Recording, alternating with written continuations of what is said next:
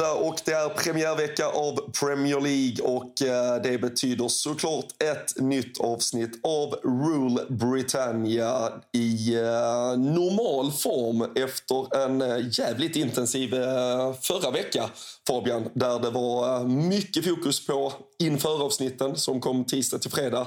Men där ligger vi inte på latsidan, för det tar ju vid där vi slutar idag och så kör vi hela vägen in i mål även denna veckan.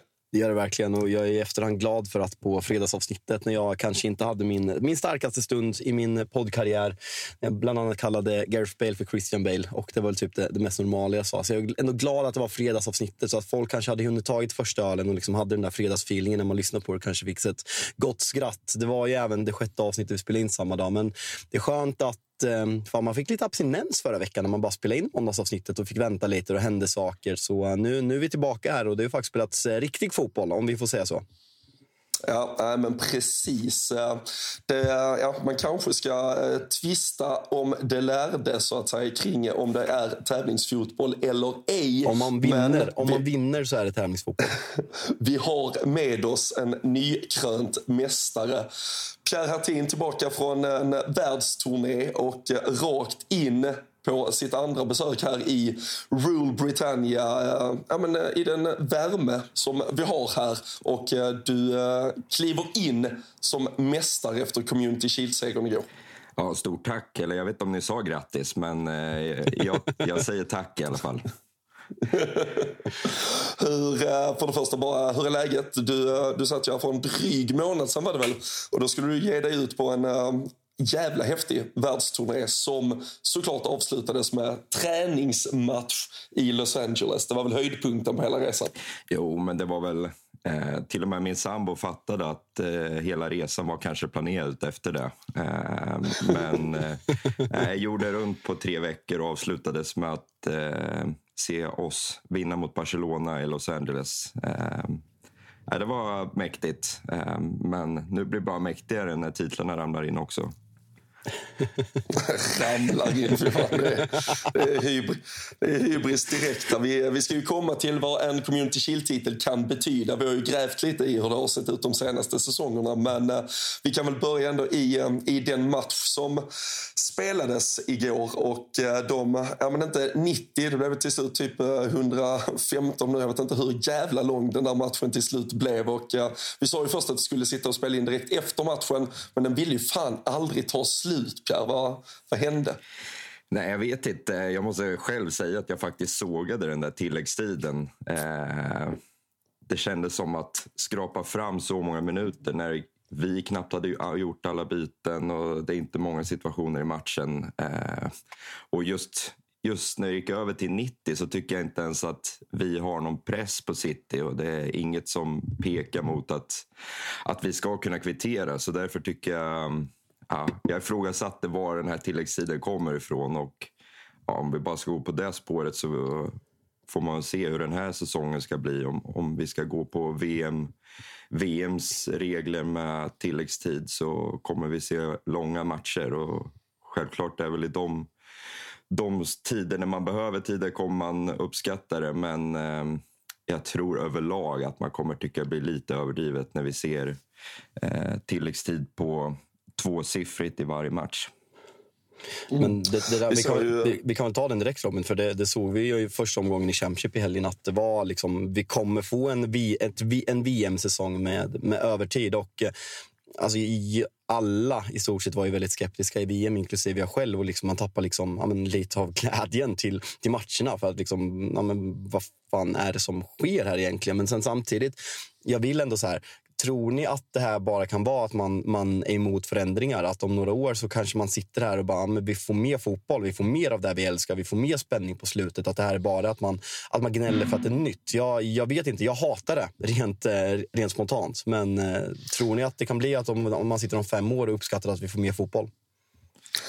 Jag, jag tror framförallt att alltså mer fotboll med tanke på hur mycket pengar vi, vi faktiskt betalar för att konsumera den här jävla sporten så, så känns det väl vettigt att man ska få någon jävla bang for the buck. Liksom. Man, ska, man ska få någonting och det, det är ju illavarslande när man ser att siffrorna, jag tror om det var att de hade sammanställt ett par säsonger eller om det bara var fjolårssäsongen så var ju effektiv speltid i Premier League, den var väl på 55 minuter per match medan om man sen direkt gick ner då i Championship och även i de lägre engelska divisionerna så var vi ju balanserar runt 50 och i något fall till och med under 50. Nu eh, som du är inne på den här eh, Championship-premiären som vi hade i fredags kväll. Eh, Först ut sen Sen fortsatte det ju genom hela helgen, men den var väl i det då mest extrema laget där jag tror vi landat slut på 69 minuters effektiv speltid, vilket vi bara hade haft, tror bara Championship hade haft det en gång, alltså det var nog bara en gång förra, på hela förra säsongen man var över 65 minuter eller någonting.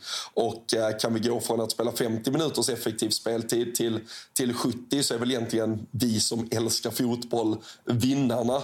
Samtidigt så hörde man också eh, Pep var ute och jag känner väl min käre tränare tränare Jürgen Klopp så pass väl att jag kan se situationer där han kan klaga på detta rätt rejält också. För det, det blir såklart en ny typ av fotboll att förhålla sig till. Ett byte i 85 är ju inte längre ett, ett byte i 85 som vi förr har känt det. Så det. Och det viktigaste här är väl att det blir en, ja, men en tydlig linje. Och att får vi se det alltid, ja men då är det ju något nytt att vänja oss vid. Ser vi vissa domar som godtyckligt kastar in åtta minuter medan någon annan dunkar på med 14. Då blir det ju ett jävla lotteri inför varje 90 minuter vad fan som ska hända. Och det är ju där som jag känner med VM också, att man inte riktigt fattar det. För det kunde vara, men som nu, man, ja, men ni vet själva den här frustrationen om man leder med 1-0 och man känner att det inte varit så mycket och domaren höjer upp fem eller sex minuter. Alltså den ilskan, liksom i VM kände jag ja, men det var slumpmässigt. Det kunde vara en match som hade varit mycket skador. Det kunde vara en match som det inte hade hänt någonting. Och båda matcherna kunde vara nio minuter. Så man, man fattar inte riktigt det där. Så det där kommer nog ta en tid att, eh, att vänja sig vid. Och sen fan, jag tycker redan att eh, Champions League-matcherna 21.00 är sena. Alltså man, man somnar inte innan 12 för man är uppe i varv. Nu kommer, och jag ska upp vid 6.20 på morgonen. Alltså det, här är, det här är ett helvete för mig som är, som är morgontrött. Men det är väl inte eh, det har gått några år sedan Fergie, men du är rätt van vid extra tilläggstid när det behövs. Nej, men, det här är min och Howard Webbs våta dröm. Ja, nej, men skämt att säga, men apropå Howard Webb. Jag tycker eh, domarinsatsen igår, eh, Stuart Atwell, är katastrofal. Och sen eh, tilläggstiden på det. För just det här med tilläggstiden också, det måste ju finnas en balans i det. Eh, du måste kunna se mönster till att var kommer tiden ifrån. Igår ser man inte det. Du, om, den här, om det ska införas så måste det ändå... Det ska inte läggas på tid bara för att. Eh, det måste... Eh, du måste ju kunna se det i spel. Igår tycker jag inte det fanns... Ja, vad blev det? Nio, åtta tillägg eh, befogat. Sen bara... Ja, det var väl åtta först och sen då Kyle Walkers eh, huvudskada. Men, skapar väl fem, sex minuter till. Men då kan man lika gärna, alltså, då, då kan man lika gärna spela två gånger 50 minuter. Alltså om, om det är den effektiva speltiden man vill åt och sen jobba övertid som vanligt. För nu är det ingen logik som det känns. Om fan, kör två gånger 50 så får vi tio minuter till. Bara om de spelar fem ja. så, får vi, så är vi uppe i det där. Så nej, haveri. Hade, men jag hoppas att man vänjer sig. Vi hade ju damernas, eh, Sveriges damer igår. Tilläggstiden där var två minuter efter 90. ja, och precis. där var det ju mycket mer situationer. Det var... Så det, ojämn nivå. Där, där, där, där, kände man ju att domaren hade haft ett, eh, en, en diskussion med båda lagkaptenerna. Är ni nöjda med 0-0? För då tar vi bara två ja. minuter och går direkt vidare. Nu, Inget jävla klydd. Nu skiter vi i övertid och uh, pratar fotboll tycker jag. Uh, jag tyckte väl, alltså, ja, såhär, om vi, innan vi går över på de taktiska detaljerna och liksom startelvor och sådana saker och hur matchen var. Jag tycker man såg på ja, men dels hur båda lagen gick ut i den här matchen. Uh, hur mycket känslor det var på plan, hur mycket tränarna firade och spelarna firade vid både mål och såklart även efter straffläggningen. Men att det här, det här betydde någonting. Det här var liksom en, en, en kraftmätartag och att eh, Pep Guardiola liksom tar Arsenal verkligen seriöst. Alltså det syntes så mycket det betydde för alla, vilket jag tycker är kul. För Community Shield många gånger kan vara väldigt avslaget har jag, har jag känt tidigare beroende på vilken match det är. Men här såg man verkligen att det betydde något för båda lagen och båda lagen ville verkligen vinna den här matchen. Jo, det, det, går ju alltid att diskutera innebörden av matchen men det, det, blir ju alltid att det vänds, precis som du sa i början. Vinner man den så ses det på ett sätt, förlorar ses det på ett sätt. Eh, och jag tror media i stort hade inte kastat det som en träningsmatch ifall City hade vunnit. För eh, ja, då hade det varit som ytterligare en seger för Pep, ytterligare en seger för Pep mot Arteta. Eh, men nu ses det på ett annat sätt bara för att Arsenal vinner den. Och absolut, man firar och det ska alltid pekas finger. Firar man för mycket och så. Men jag tror det är så viktigt mentalt för laget, för alla att se vi slår City efter, ja, vad sa de, det är åtta, åtta åtta raka förluster eller någonting och inte vunnit på 16 tävlingsmatcher. Så mm, det, det är du ska ju sluta klaga på övertiden. Det är perfekt för ja, er. Ja, exakt.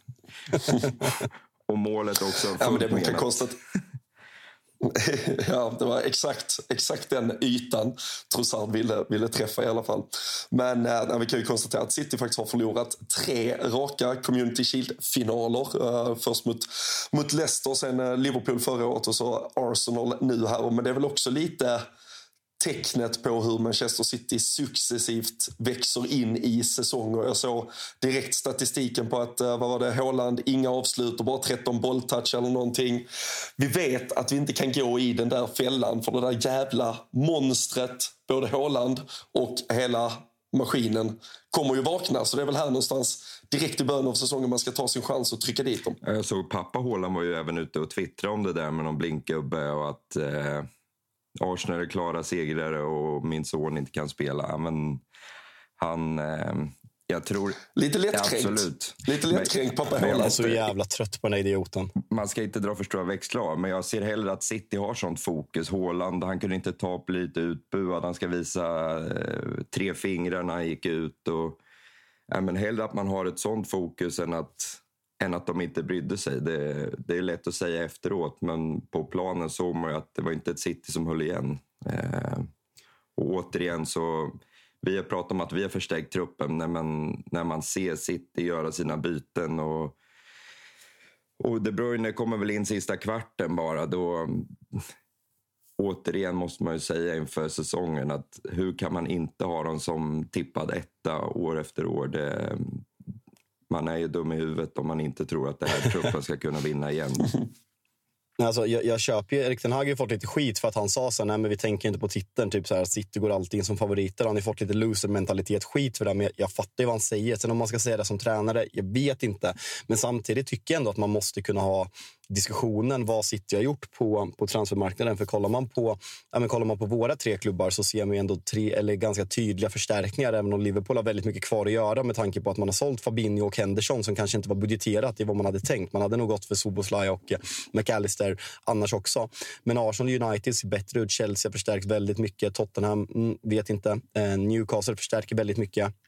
Samtidigt som, samtidigt som City, alltså Gündogan, att man ersätter med Kovacic, men Gündogan var ändå en extremt fungerande spelare och eh, kapten för det där laget. Så Kovacic startsträcka är, det vet jag inte. Och sen tar man in Guardiol, en mittback. Och det är så här, hur mycket kan han påverka? I slutet av förra säsongen spelade med John Stones och Ruben Diaz där som var helt fenomenalt bra. Alltså bästa, bästa mittbacksparet i hela världen skulle jag nog vilja sträcka mig till ganska tydligt i slutet av förra säsongen. Hur mycket kan en mittback för, eh, liksom ändra om det där? Samtidigt blir KDB äldre. Han har skadeproblem, det vet vi. Man har sålt Mares utan att ersätta någon. Så tycker ändå så här titeln känns ju öppnare än vad den har gjort på extremt länge. Och det känns som att många lag med rätt träff kan liksom utmana, vilket känns jävligt kul inför den här Premier League-säsongen.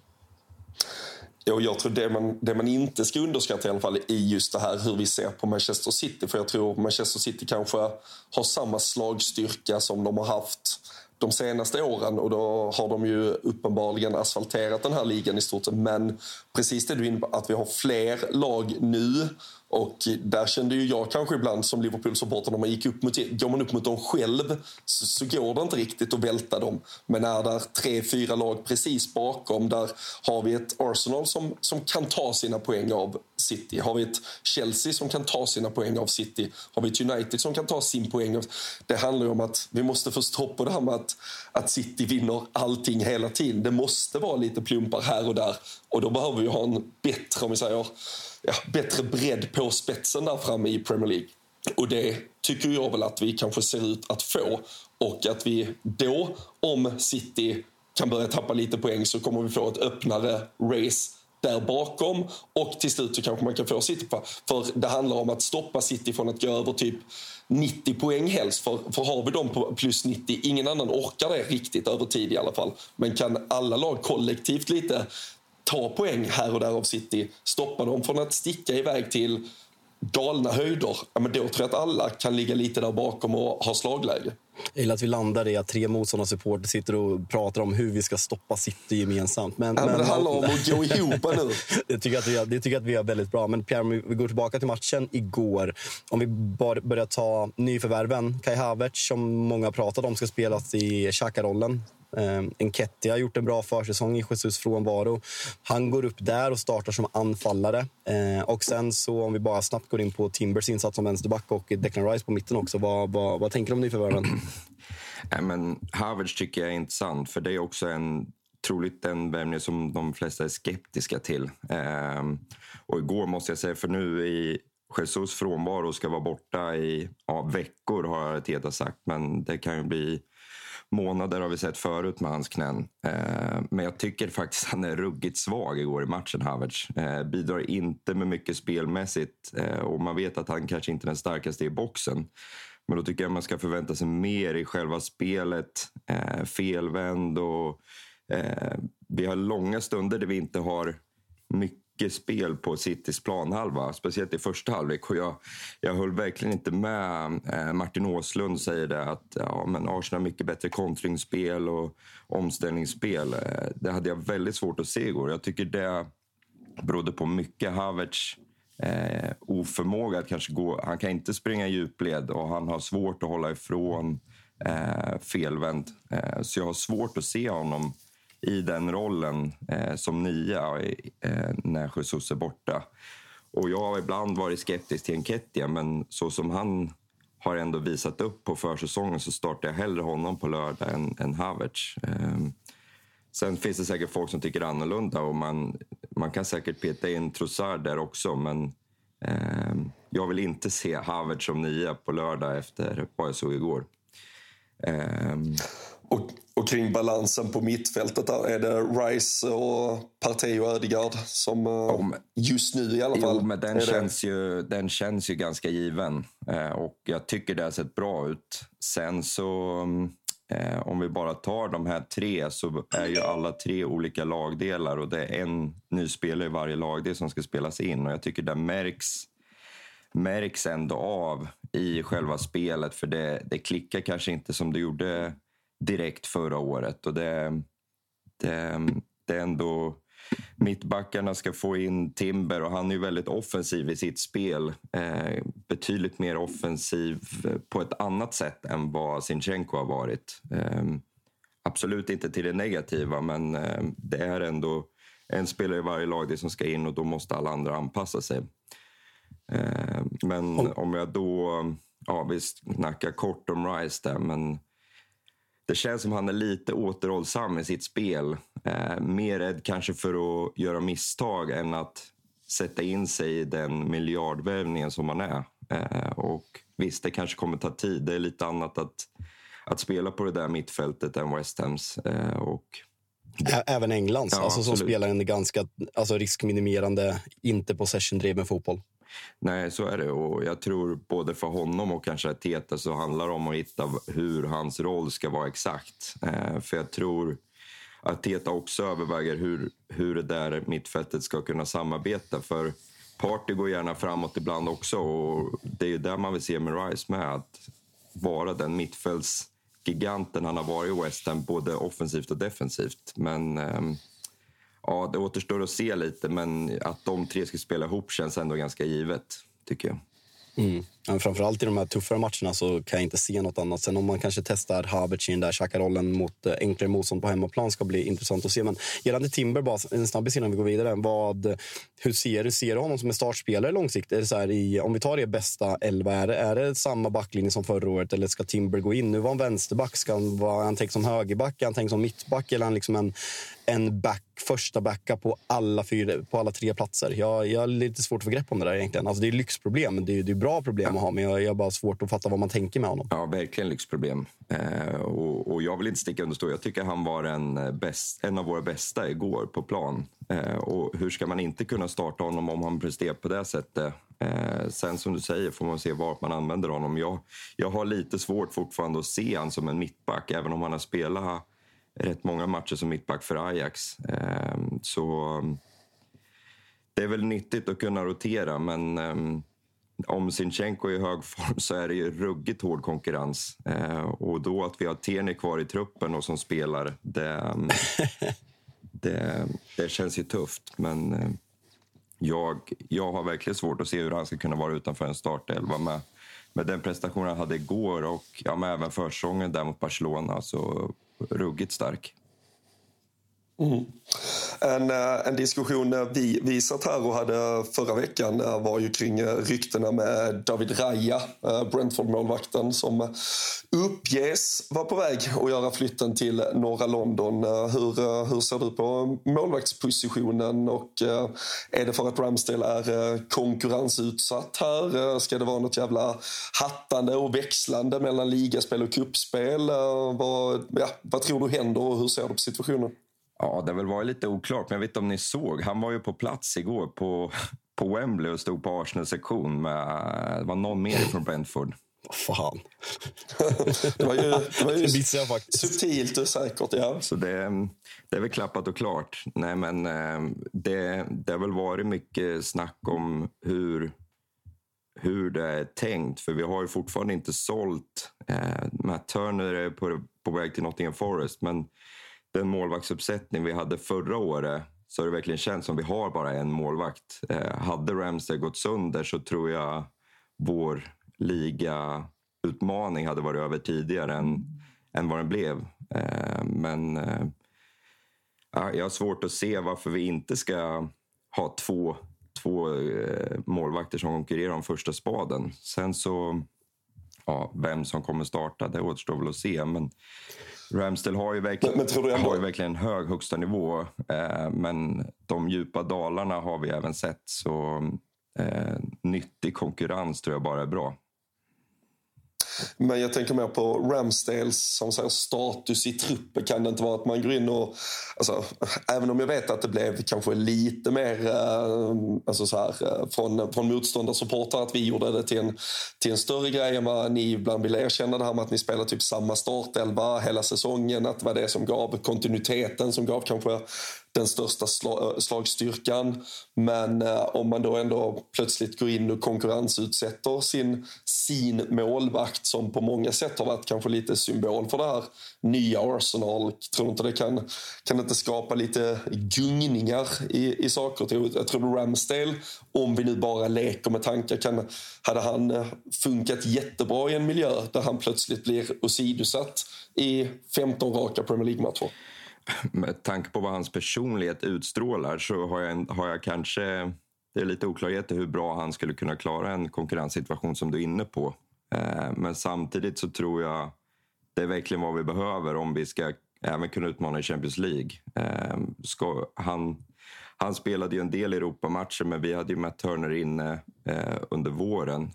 Men jag tror det är lite professionaliteten i Ramster måste komma fram då eh, och verkligen kanske ta ytterligare kliv. Han har ju ibland, ja, men sedan han kom så har han presterat över sin egen förmåga kanske eh, mot vad förväntningarna var. Men eh, det, ehm, det finns kanske ytterligare nivåer att ta och det är kanske konkurrens som krävs för det. Men att övriga truppen skulle påverkas av en målvakts eh, situation där det är konkurrens, det, det har jag svårt att se.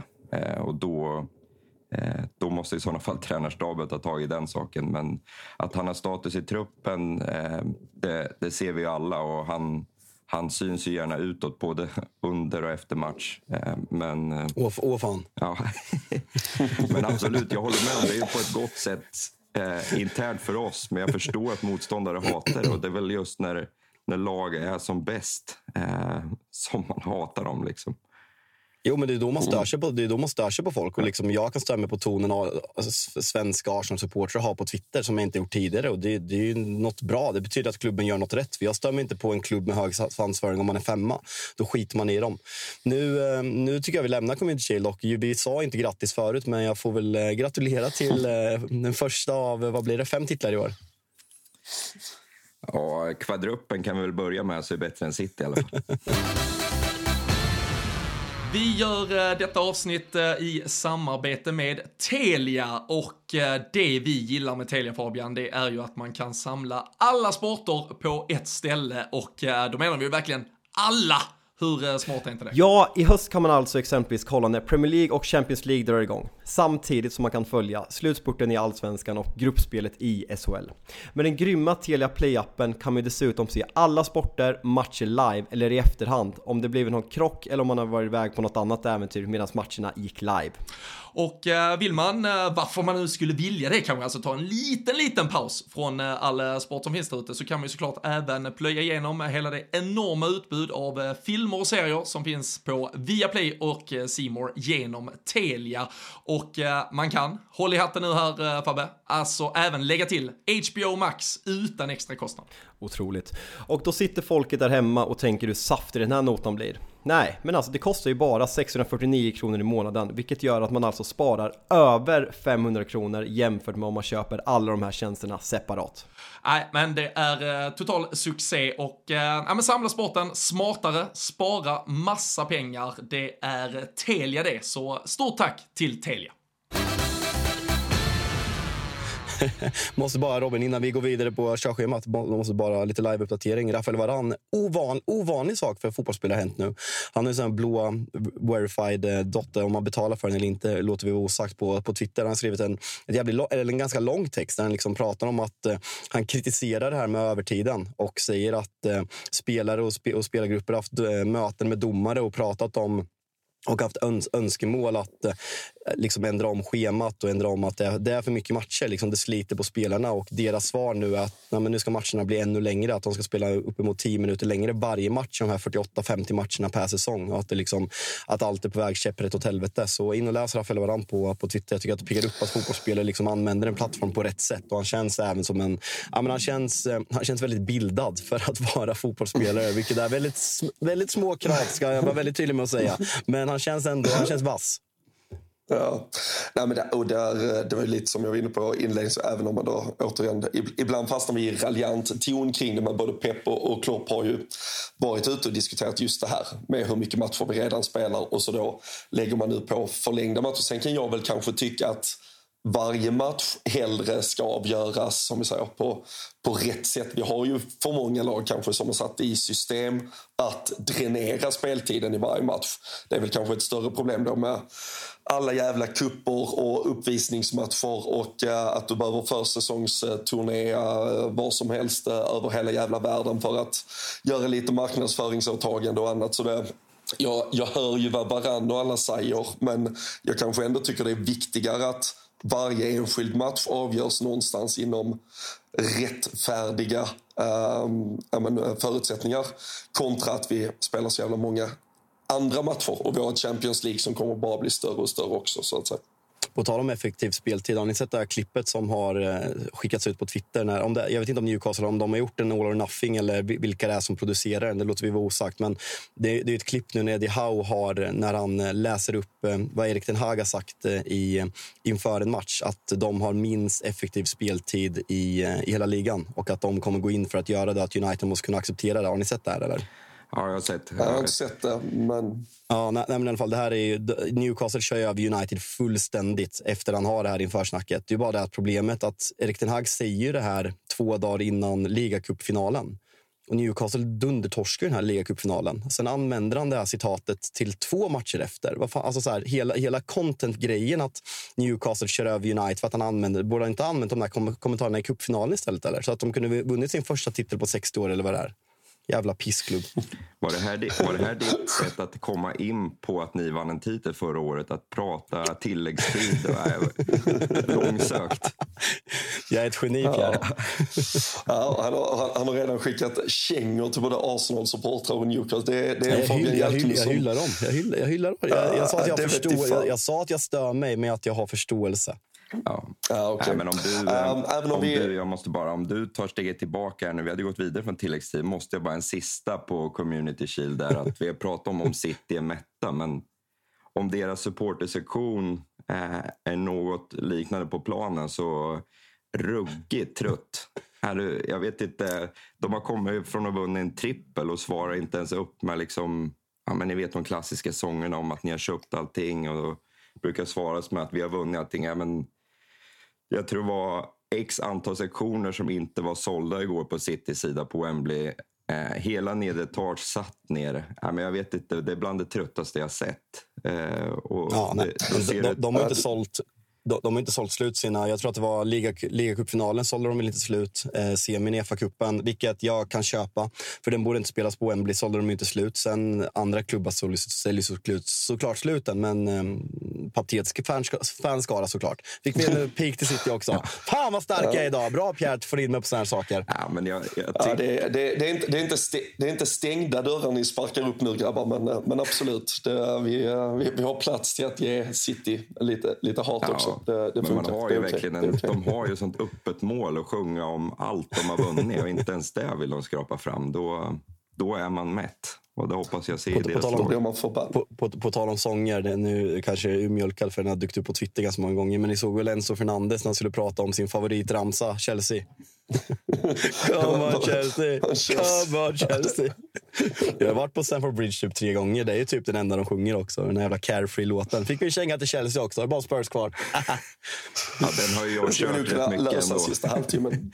ja. Ja.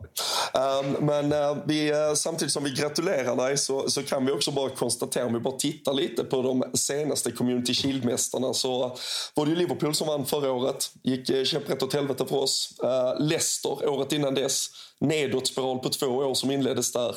Ni vann ju eh, pandemiåret där 2020 mot oss. Uh, blev väl ingen uh, klang och jubelföreställning från er uh, den säsongen som följde därpå. Och uh, City, senast de faktiskt vann Community Shield, det var 2019 och därefter gick de ju faktiskt och inte vann ligatiteln efteråt. Ska vi, uh, ska vi, slå, ska vi slå hål på någon myt här kring, kring detta eller är er säsong i fara nu efter att ni har tagit den här titeln? Eh, ja, det är livsfara enligt de statistiken. Men eh, eh, jag måste ändå välja att se, som jag sa tidigt, att det mentala är det viktigaste i det här och inte att vi har fått någonting på pappret. Och, eh, det tror jag även spelarna ser. Men eh, jag vet att ni tidigare var inne på det eh, i podden här att det här laget behövde en kupptitel, någonting för att ta ytterligare steg. och jag tror precis med de värvningar jag fått in och att eh, komma tillsammans som lag. Någonting sånt här, det gör mer nytta än vad man verkligen tror.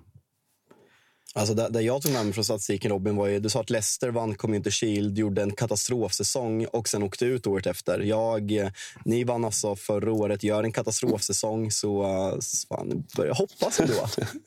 ja, du, ska, du, eh, du, du har någonting att hänga upp din eh, säsong på, absolut i alla fall. Um, är man lite mer positiv så, så var ju faktiskt eh, ett av våra långtidsspelare, vi, vi gjorde ju alla de här införavsnitten som började komma ut förra veckan, kommer fler denna veckan. Och till varje lag där så diskuterar vi lite speltankar också. Och kring Arsenal så slängde vi ändå in där att om man nu har all sin hybris så kan man ju ta rygg och backa dem att vinna Premier League-titeln. Alla lag har eh, fått lite roliga spel och eh, de finns borta på atg.se. Så kan man söka fram specialspel så har vi eh, lagt in dem där för vardera lag. Det finns äh, ett par riktiga godbitar tycker jag. Så in och kika på atg.se. Men ska ni lägga några spel ska ni såklart vara 18 plus och annars finns stödlinjen.se. Um, en sista sak jag bara tänkte ta från eh, den här matchen inför säsongen. Vad, eh, vad är er känsla kring eh, Kevin De Bruyne? det här med att han är så får så lite speltid, att skadeproblematiken kanske är större än vad den är? Eller är det bara något man sitter och hoppas på?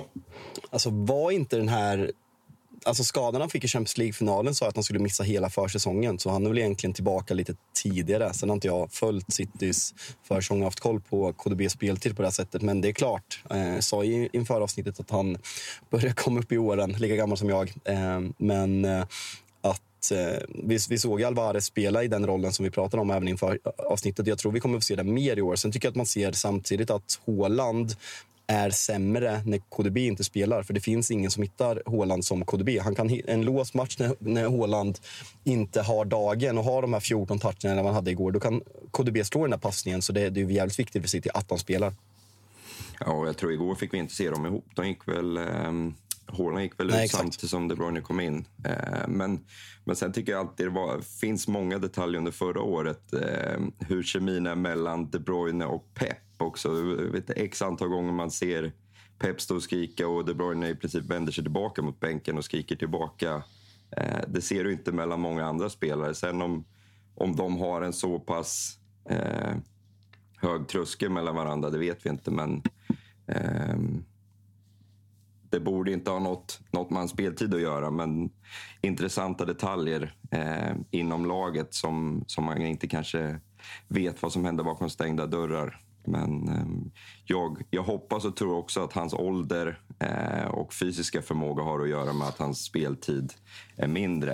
Eh, och återstår väl att se. Ja, men det har ju ändå Ja, men det har ju ändå alltid varit lite så här, så för, förstår man, men lite förslitningsskador på honom och en kropp. Det, när man passerar en viss ålder, det, det, vet, det vet vi alla, att uh, kroppen inte, den svarar inte lika snabbt på, uh, på, på allting uh, där, därefter. Så.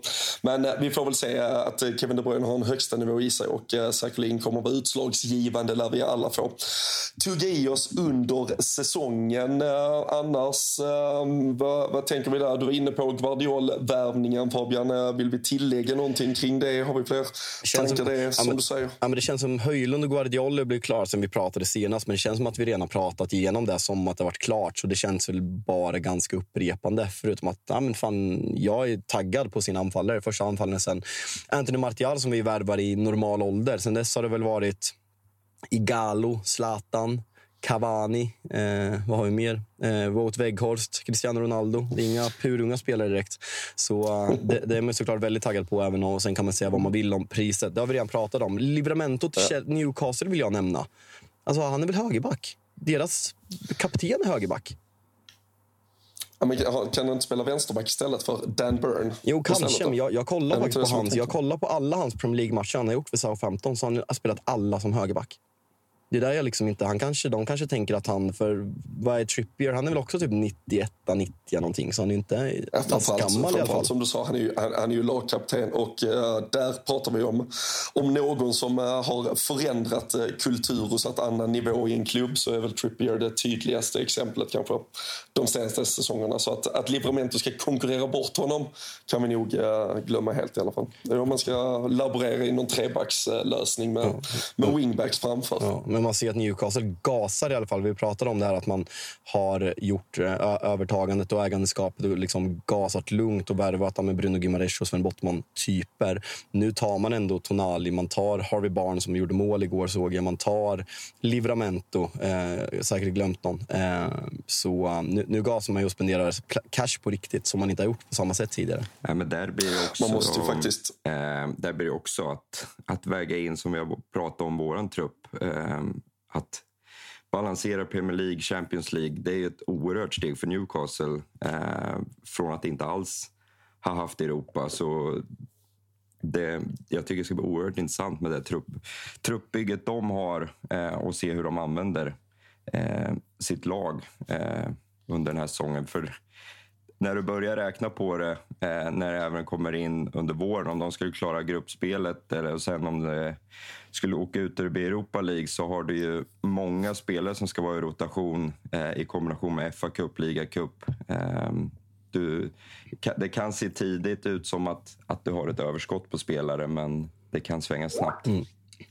Nej, vi, vi pratar om det och kan väl göra reklam för det. För vi, eh, vi kommer att prata Newcastle imorgon tisdag i, inför avsnitten. Och det, det, är så svårt med så många eftersom Big Six känns inte som att det finns längre. Alltså Newcastle ska ju verkligen in där. Alltså om vi pratar eh, hur, hur, bra klubbarna är och, hur, och, vilken framtid man går till mötes. Och sen liksom Brighton utmanar, Aston Villa utmanar kanske ännu mer än Brighton om man kollar långsiktiga förutsättningar.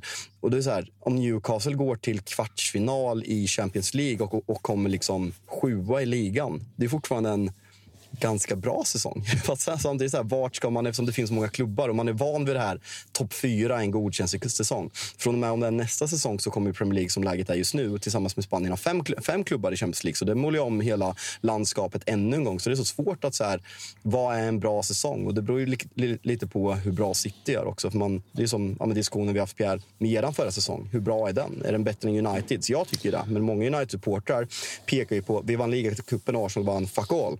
Men men eh, det blir verkligen ett ommålat landskap med hela att det finns så många slagkraftiga klubbar, vilket är, vilket är kul. För Premier League har ju snarare gått till att senaste åren blivit där vi har kritiserat Spanien för hela vår uppväxt. Att det är liksom two horse race när City har varit där uppe och Liverpool är kanske det laget som har utmanat mest de senaste åren. Arsenal tog vid förra säsongen. Så äh, men det, det, känns, eh, det känns kul med en ny säsong verkligen.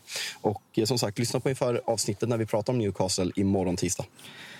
Ja, och där verkar det när man har uh, snackat lite med, med Newcastle-supportrar och uh, folk som, uh, och det, det uppskattar vi och, och gillar ju och uppmanar till folk som ger sig in i diskussioner och debatter på, även på Twitter eller Instagram. Även Everton-supportrar som skriver 3 ja, och 4. Ja, men, jajamän, ja, men Everton-supportrarna är där, West Ham-supportrarna är där, Crystal Palace-supportrarna är där. Det, det är så jävla kul att se att det finns supportrar till alla lag. Det är också jävligt kul där med de här inför avsnitten att vi just har tagit greppet kring varje lag och att att man då kan få reaktioner på det. Och det jag förstod väl det som eh, på Newcastle-sporten att eh, det de är mest spända på är väl just eh, en, eh, en talang som vi kanske inte då lyfter i inför sig, men Elliot Anderson som har varit eh, exceptionell här på försäsongen, har väl gjort typ fem mål och ett assist eller någonting och eh, många tror att han kommer starta till förmån för Sandro Tonali dessutom. Det, det vore någonting att man värvar typ eh, hela Italiens golden boy för 700 miljoner och så plockar man en av sina egna adepter till att starta i hans, i hans ställe. Det, det trycker ner italienska fotbollen än mer i, i skon i alla fall. det hade varit magiskt. Så ja, vi får se. Men uh, vi får se vad det blir av det. Newcastle eh, ska som sagt uh, ut och spela i Europa och uh, sen får vi väl se det där med det nya Champions League-upplägget. Det måste vi ju sätta oss mycket bättre in i. För jag tror väl att den där femte platsen, eller om man säger lags, länders extraplatser, är väl däremot alltså förknippad med laget eh, mer unikt. Alltså om ett eh, Liverpool till exempel hade kommit femma så tror jag vi hade kunnat få platsen på grund av eh, alltså egna eh, poäng från tidigare Europaspel. Medan jag tror att ett Newcastle, om de hade kommit femma, kanske hade haft det lite svårare. Så, ja, jag, jag tolkar det som att det var de, de, de, de, två, de, två, största rank, de två bästa rankingländerna de senaste fem åren får en extra plats. Jag, jag kan ha feltolkat det. Eh, det där får vi som sagt läsa okay, in oss på. Men, det, det, det, men jag tror det finns även, ja, okay. även platser kopplade kopplade direkt till lag och deras uh, koefficientpoäng och så vidare. Ja. Så det, men det får vi återkomma till. Det blir en, uh, något att uh, sitta och jobba i Excel-arken i vår istället när vi ska säkra olika Europaplatser. Men du, jag tänkte bara på Höjlund, Fabian. Går, går han in i startelvan direkt mot Wolves på måndag, tror du? Ah, tveksamt om jag bara får gissa spontant. Alltså det är ändå alltså en ung spelare. Han kommer inte hinna träna en hel vecka med, med, med klubben. Och Eh, Eh, att eh, det, det har fungerat. Jag tycker att eh, Garnacho är, eh, möter Lance Paul Trafford i lördags. tycker att Garnacho är bland, bland de bästa på plan. Så jag tror att Rashford kanske kommer starta som nia och sen så får vi se, får vi se Höjlund framöver. Men det, det är min spontana känsla för jag tror att man har nästan glömt bort Garnacho. Alltså man, man pratar liksom, vi ska värva Höjlund för att flytta ut Rashford till vänster. Men Garnacho är en exceptionell jävla talang som mycket talar för att han kommer bli en av världens bästa fotbollsspelare. Fick du det? Vad sa vi, Claire? Jag var redo att stänga av här när jag drar såna långa strån. Nej, men... Ehm, eh, det, du kommer tillbaka till ett sånt lyxproblem som, som man får då. Men eh, det är ju, era truppbygge såg ju bra ut redan förra året och växte ju desto längre säsongen led. Ehm, eh, så jag, jag har svårt att se hur ni ska kunna vara eh, borta ifrån en titelstrid. Så det känns verkligen som Robin också sa tidigare. Det är många lag som, som troligtvis kommer vara med eh, och hota längre än vad det var förra året. Vi blev ju två lag tidigt, kan man verkligen tycka. Eh, det var väl bara mm. Arsenal och City man nästan pratade om redan vid VM-uppehållet där vid jul. Så Ja, det, vi hängde med. Alltså, så här, vi, vi hade ju en run, eh, men typ när ni slår oss på Emirates så då var det kört. Men det var, så här, det var, det var en run där så att det typ bara var fem poäng, men det var ju aldrig, det var, det var ju aldrig nära. Det var, bara så att, det var även i januari, ja. så det är väl, det är väl nästan fortfarande ja, julfirande. Ja, ja, exakt.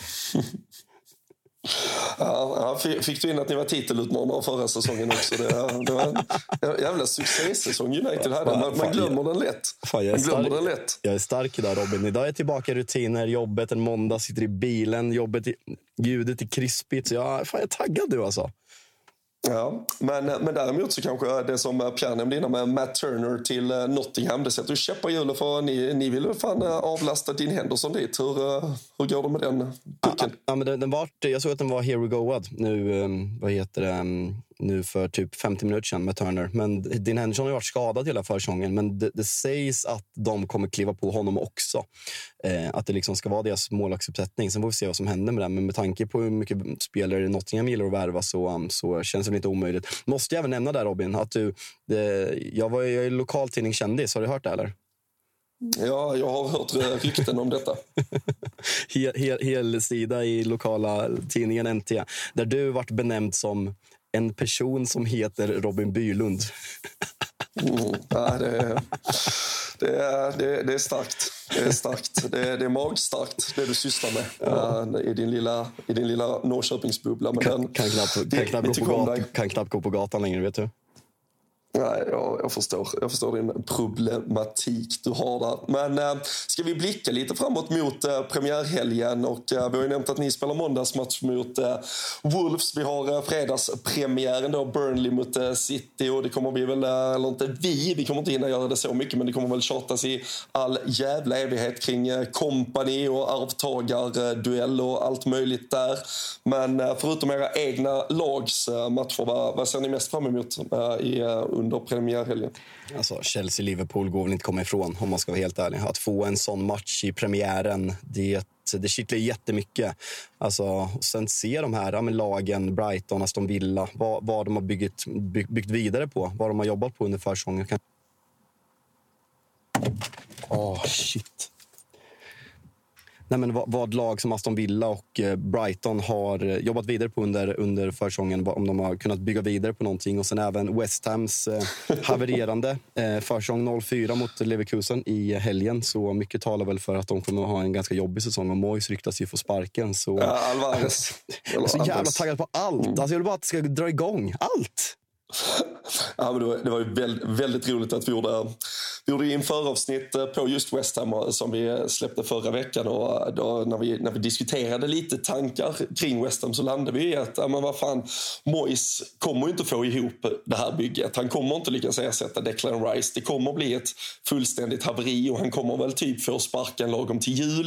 Uh, nu, nu hade vi inte möjlighet att sätta ihop just det långtidsspelet men det var ju väldigt kul att sen typ tre minuter efter det avsnittet hade kommit, kommit ut så kommer där först uppgifter på att David Moyes kan få sparken innan premiären för att han tydligen ligger då i öppen fade med den här sportchefen Staten eh, som dessutom då som lite lök på laxen efter den där 4-0 eh, torsken mot Leverkusen. Det är alltså han som har byggt upp just Leverkusen också. Men Moyes vill ju typ ha Ward Prowse, McTominay och de engelska gubbarna medan Staten väl vill bygga något lite mer spännande. Men det är man ju helt, det är man ju helt säker på att Moyes inte är lite intresserad av att syssla med. Nej, men West Ham är också en situation där vi har sett nu, de ger sig in i affärer om spelare där de misslyckas totalt och alla klubbar vet ju att de sitter på pengar efter, efter Rice-dealen. Eh, så de de är i en jobbig situation när man inte kan sköta det, sköta det bättre och med interna stridigheter så är det ju en total cirkus som är igång. Så... Um,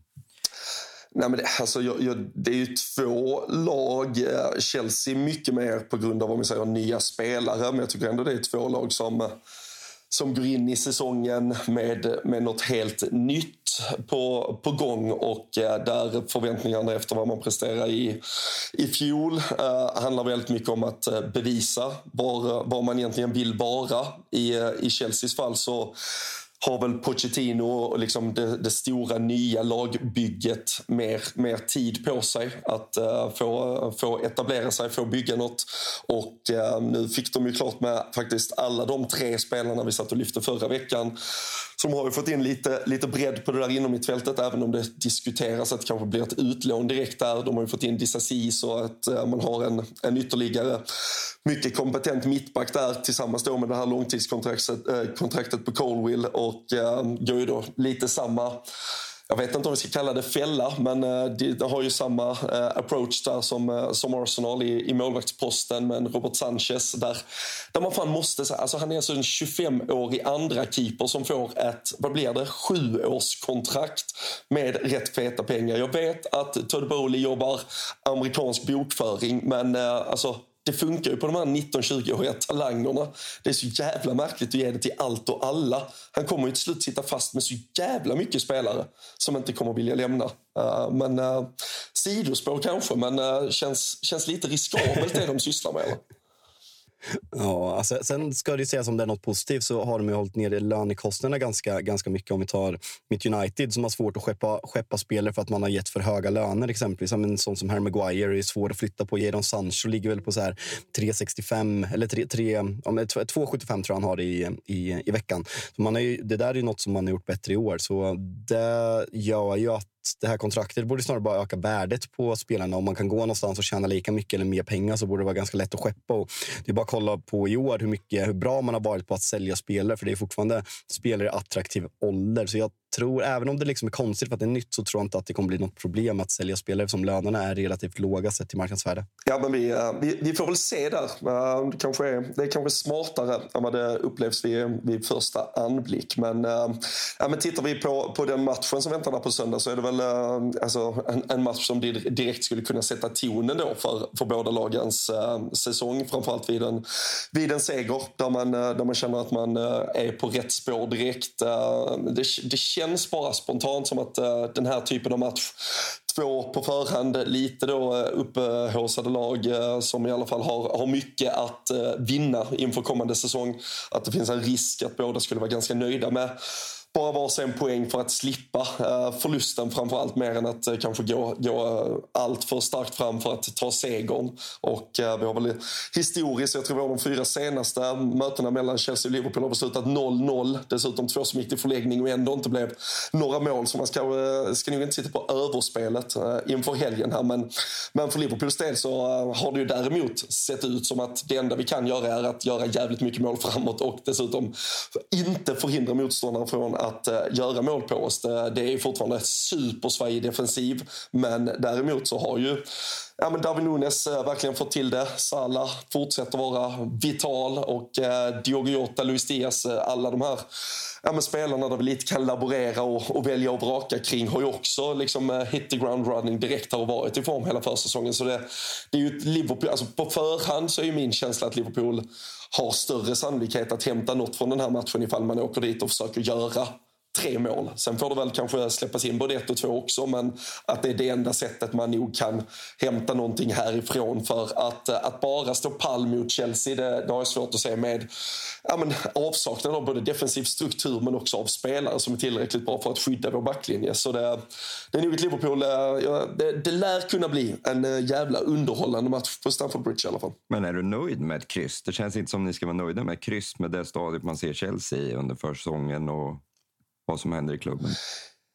Nej, alltså jag, jag, jag, hoppas ju och vill jättegärna att vi går dit för att eh, bara ösa på och eh, ta, ta segern direkt. Men, men jag har ju också sett Liverpools försvar. Alltså mot ett tyskt eh, division 2-motstånd så har vi släppt in både två, tre och fyra mål och vi släpper in mål på egentligen allting som bara närmar sig straffområdet. Så jag ser också en problematik i att vi åker dit, öppnar upp oss och straffas rätt mycket av, av Chelsea. Sen ser det väl ut som att eh, vi, vi har lite då, eh, turen i, i allt detta att slippa Nkunku som eh, verkar vara out ett par veckor kanske åtminstone så att premiären här är i fara. Och eh, även då mycket av de här nyförvärven för Chelsea är ju inte helt eh, ja, men redo kanske att kliva på. Så det, det är ju ett Chelsea med, med, klart mycket större frågetecken än vad Liverpool har. Uh, men, uh, men jag har verkligen sett en problematik i, i vårt försvarsspel som gör att jag, jag känner väl en stor risk för att vi kommer att släppa in något mål här. Men, men därför kanske ännu mer måste vi dit och bara gå för det och all out köra på offensiven som är vår styrka. Ja, nej, det, det blir intressant att se och det som ni var inne på, det sätter ju eh, ett tidigt avstamp på vart den här säsongen kan ta vägen. Och det är två lag som har en revanschlusta mot eh, fjolåret. Men du frågade Jalkemo här vad, vad han ser mest fram emot och vilken match. Men jag, jag tycker i stora hela, den här sommaren har varit en sån cirkus för många lag. Och vi kommer från en säsong där vi, ja, det avslutades med en stor besvikelse. Eh, så jag, eh, jag tycker Twitter har varit en stor cirkus den här säsongen. och, och det har, mest, det har mest handlat om allt som inte rör fotbollen. Så um, jag ser verkligen fram emot att, att det riktiga ska komma igång. Jag är inget stort fan av transferfönster och att folk ska visa att vem som har mest inside på Twitter. Det, det ska bli skönt att det är mer fokus på eh, det riktiga och eh, matchbiljetter och flyg hit och dit. Så ehm, det, det är det jag gillar mer och nu, nu kör vi igång på riktigt. Ja, det ska bli för jävla fint. Man har ju verkligen, framförallt eh, lördag, om vi tar klassiska avsparktiden då, 16.00. Då alltså, om man känner att eh, Twitter och eh, så här silly season eh, journalistik, det är något man hatar, då älskar man ju att vi har klockan fyra på lördag Bournemouth, West Ham, Brighton, Luton, Everton, Fulham, Sheffield United, Crystal Palace. Det blir inte osexigare och mer bara engelsk jävla brunkarfotboll än det vi bjuds på där. Så det, det är bara att slänga sig i soffan, njuta hela helgen och eh, sen eh, är vi igång. Och eh, vi eh, har ju införavsnitt som väntar tisdag, onsdag, torsdag, fredag nu här för att vi verkligen ska vara helt redo inför eh, Premier League-premiären som väntar fredag kväll. Burnley mot Manchester City. Och sen då från att den här premiärrundan är spelad och framåt, då är Rule Britannia på jävla full speed uppe och snurrar. Då kommer det vara mycket supporterreaktioner, mycket tankar, allting om det som spelas, det som händer. Det ska bli kul att bara snacka fotboll innanför de kritade linjerna och inte så jävla mycket om allt som sker i eh, den cirkus som snurrar runt omkring fotbollen. Men eh, vi eh, tackar som vanligt för att ni har varit med och lyssnat. Det finns som sagt massvis med inför avsnitt redan att ta del av ifall man är sugen på mer redan här och nu. Annars så kommer det nya införavsnitt också hela veckan och ni hittar som vanligt alla Rule Britannia-avsnitt i flödet för Tutto Live. Det är bara att söka upp det och på atg.se hittar ni de här långtidsspelen vi har plockat fram. Då är det 18 år och stödlinjen.se som gäller ifall man skulle ha problem med spelande. Men eh, vi tackar för att ni är med oss. Vi tackar för att ni lyssnar. In och gör er röst hörd. Om det är något ni tycker är helt uppåt väggarna så tar vi diskussionen vidare på Twitter. Men eh, tills vi hörs igen får ni ha det bra där ute.